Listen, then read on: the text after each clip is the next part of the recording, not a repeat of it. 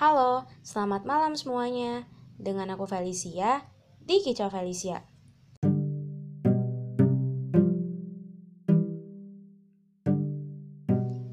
Kalian semua apa kabar nih?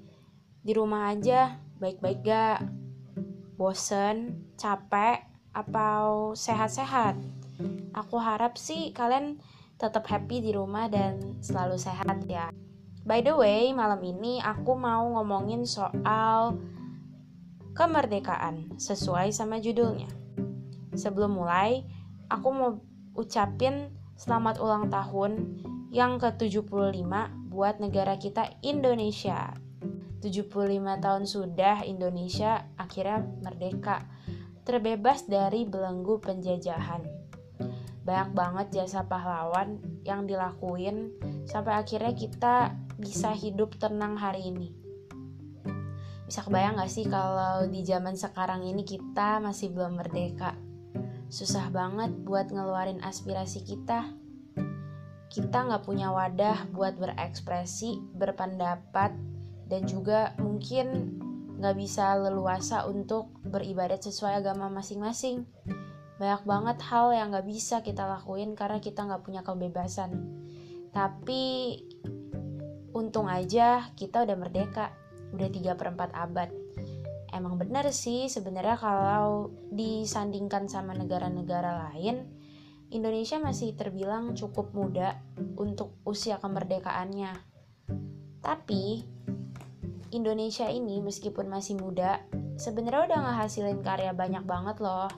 Karya anak bangsa yang sekarang ini juga udah mulai go international Ngomong-ngomong soal kemerdekaan, aku tiba-tiba keingetan kalau beberapa hari lalu aku tuh dapet tugas bikin tugas apresiasi untuk tokoh pahlawan kita dan aku memilih bapak proklamator kita yaitu Bapak Muhammad Hatta. Aku jadi riset dan akhirnya tiba-tiba ngerasain bangga karena kalau tanpa Pak Muhammad Hatta, mungkin Indonesia hari ini nggak akan merdeka.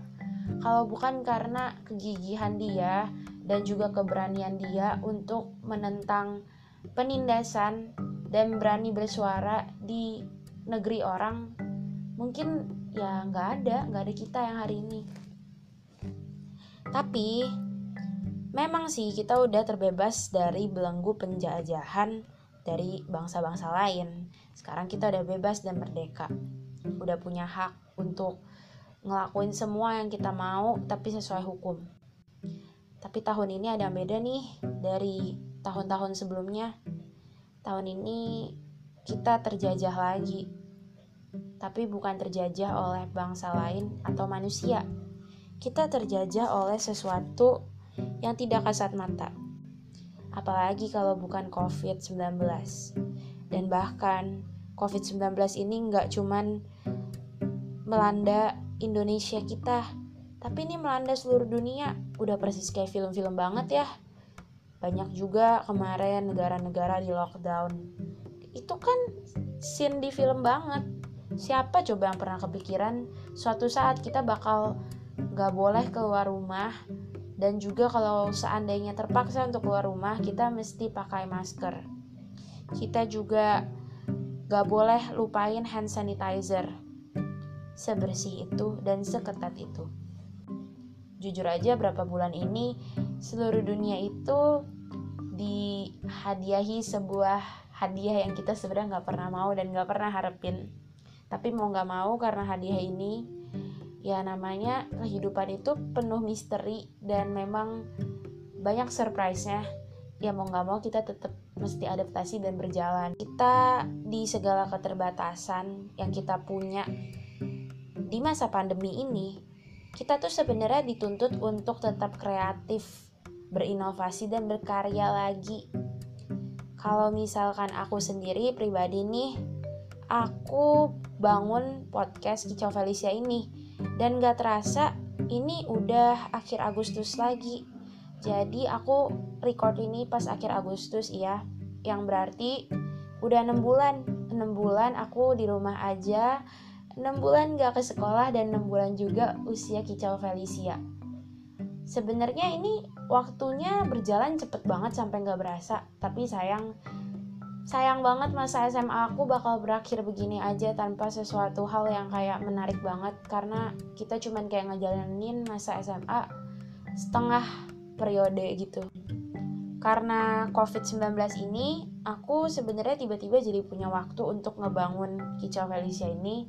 Sesuatu yang aku pengen gitu dari dulu tempat di mana aku bisa menyuarakan pendapat aku, menyuarakan opini, dan membantu orang-orang dari suara aku atau dari tulisan aku. Akhirnya terwujud juga. Aku sih sebenarnya bukan bersyukur adanya COVID, tapi dengan segala keterbatasan yang aku punya, untung aku bisa kayak memanage waktu dan memanage kayak pikiran dan segala macam untuk tetap waras dan sehat secara mental. Lalu mencoba untuk menghasilkan sebuah hal yang positif dan bermanfaat bagi orang lain. Niatnya aku sih mau ngebantuin teman-teman sekitar dan tapi ternyata um, Kicau Felicia ini sekarang udah didengerin sama orang-orang yang aku nggak kenal dan aku senang karena bisa jadi berkat juga buat orang lain karena aku tahu nih orang-orang di masa sekarang ini pastinya tuh bakal mumet dan um, pusing sama konten-konten negatif dan kayak bikin makin waspada lagi dengan adanya berita seperti pasien COVID naik lagi, terus yang meninggal nambah lagi gitu-gitu. Makanya aku akhirnya mencanangkan ide untuk bikin ini. Dan aku seneng banget sama keputusan aku di enam bulan lalu. Ternyata itu tuh hal yang benar dan akhirnya sekarang kita terus berkembang dan mengepakkan sayap. Tadi aku juga ngomong soal inovasi ya. Inovasi sebenarnya selama di rumah ini kita kan terbatas gitu nggak bisa keluar rumah. Dan juga kayak mungkin bingung gitu di rumah aja mesti ngapain ya?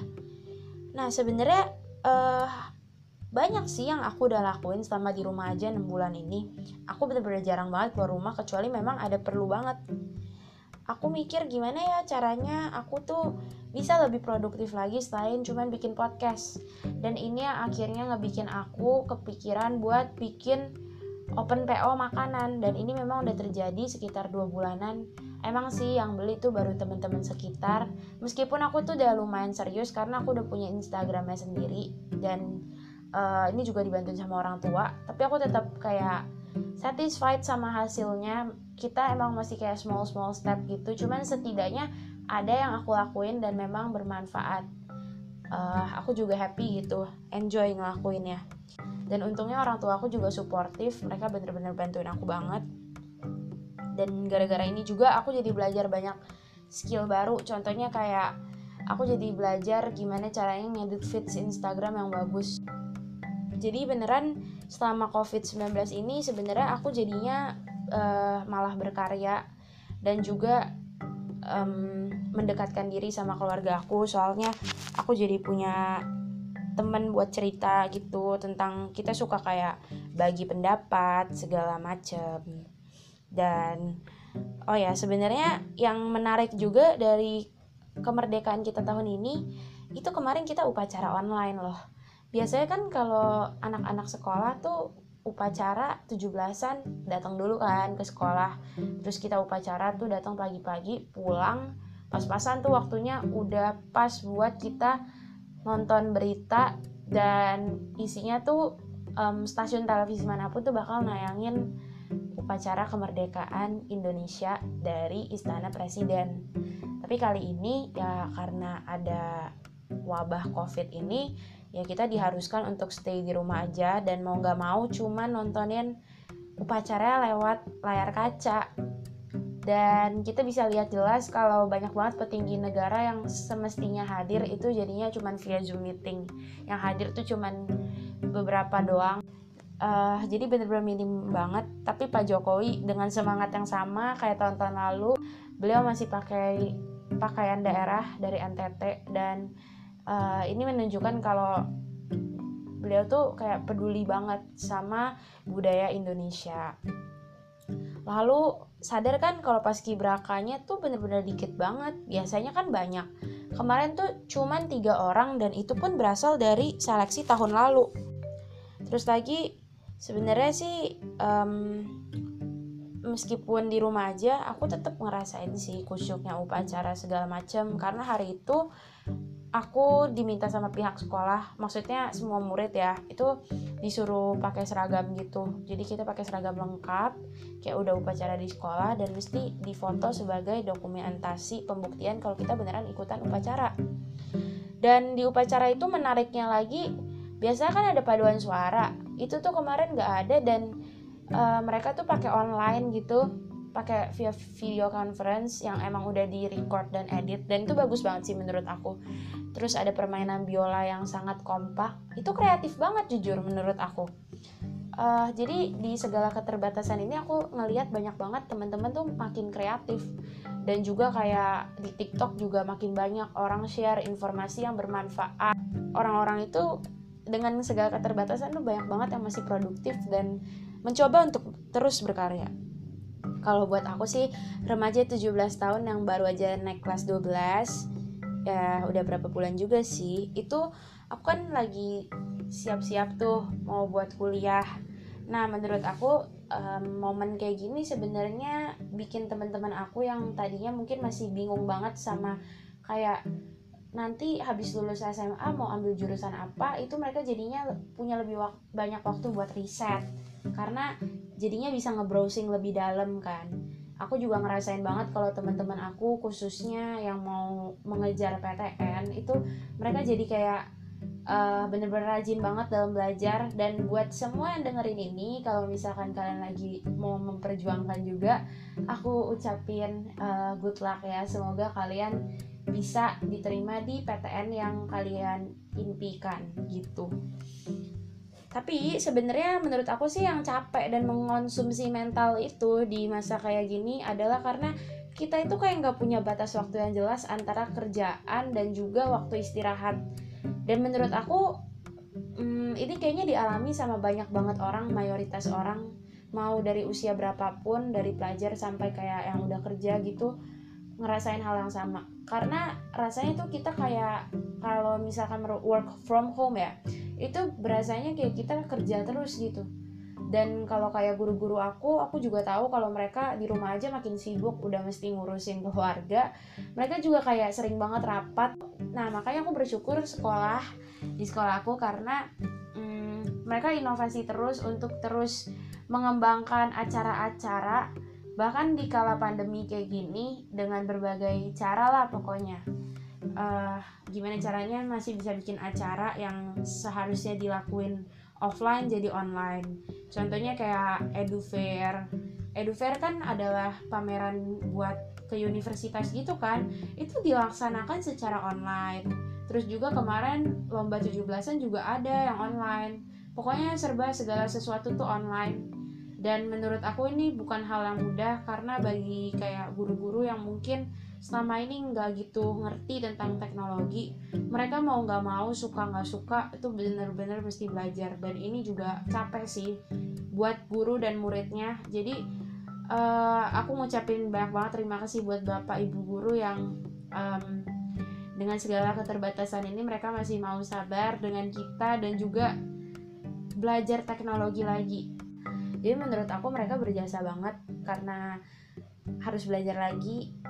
Dan hebatnya guru-guru tuh masih coba untuk interaktif gitu belajarnya. Contohnya pakai kayak website lain buat main kuis gitu-gitu buat main polling. Nah itu biar kita tuh um, bosen gitu. Jadi menurut aku nggak cuman pelajar yang kayak terus berinovasi gimana caranya mereka terus berkarya atau kayak anak bangsa lainnya. Menurut aku salah satu orang yang kayak benar-benar perlu adaptasi banget itu guru. Jadi big applause buat semua guru di Indonesia dan bahkan dunia. Kalian hebat.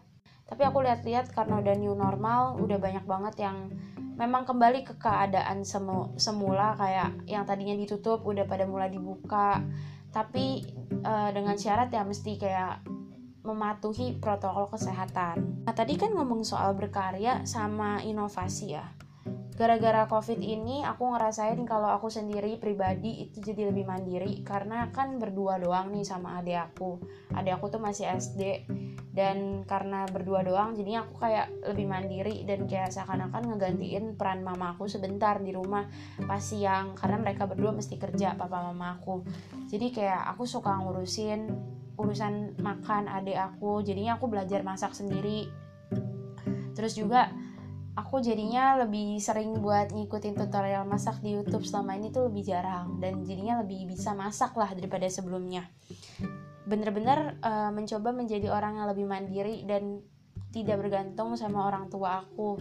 Karena realitanya ke depan aku tahu tuh bakal keras banget persaingannya jadi harus banget mulai belajar skill-skill yang emang penting gitu. Khususnya buat temen-temen kalau dengerin ini menurut aku salah satu skill yang kita harus banget punya itu sekarang adalah skill berbahasa. Berbahasa internasional kayak bahasa Inggris dan nextnya bahasa Mandarin sih. Itu penting banget supaya bisa komunikasi dan juga dapetin info dari seluruh dunia. Karena kalau misalkan kalian cuma bisa bahasa kita sendiri itu kurang gitu ketika kita mau cari info banyak banget jurnal ataupun website atau apa aja tuh tertulis dalam bahasa Inggris. Jadi bagus banget buat teman-teman kalau dengerin ini. Selagi bisa belajar belajarlah karena nggak ada yang namanya terlambat. Yang penting kalian tuh punya niat. Dan gara-gara masalah ini juga aku jadinya bersyukur kalau misalkan uh, ternyata aku tuh punya hidup yang nggak sesusah itu loh.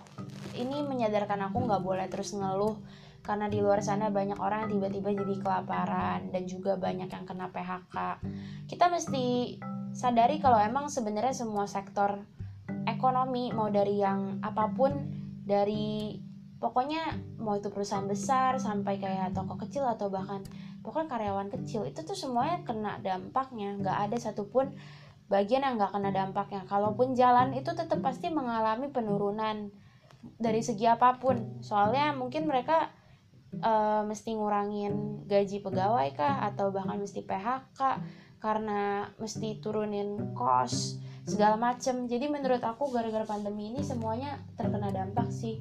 Gak ada satupun orang yang diuntungin. Dan makanya kita doain semoga vaksinnya tuh cepet selesai dan kita tuh bisa dapat vaksin massal tahun depan seperti yang udah disebutkan oleh Pak Jokowi.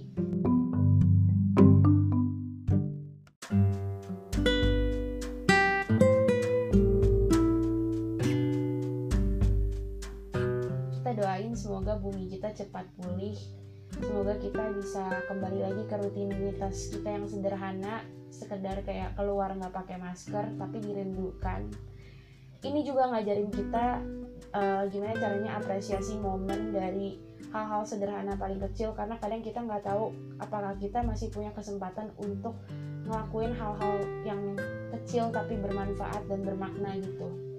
Sebenarnya karena virus ini kita bisa refleksi banyak banget hal ya uh, semoga aku harap Indonesia tuh setelah mengalami virus seperti ini orang-orang jadi makin peduli sama kesehatan dan kita bisa jadi bangsa yang semakin maju. Uh, semoga Indonesia bisa terus tetap jaya dan maju terus. Sekian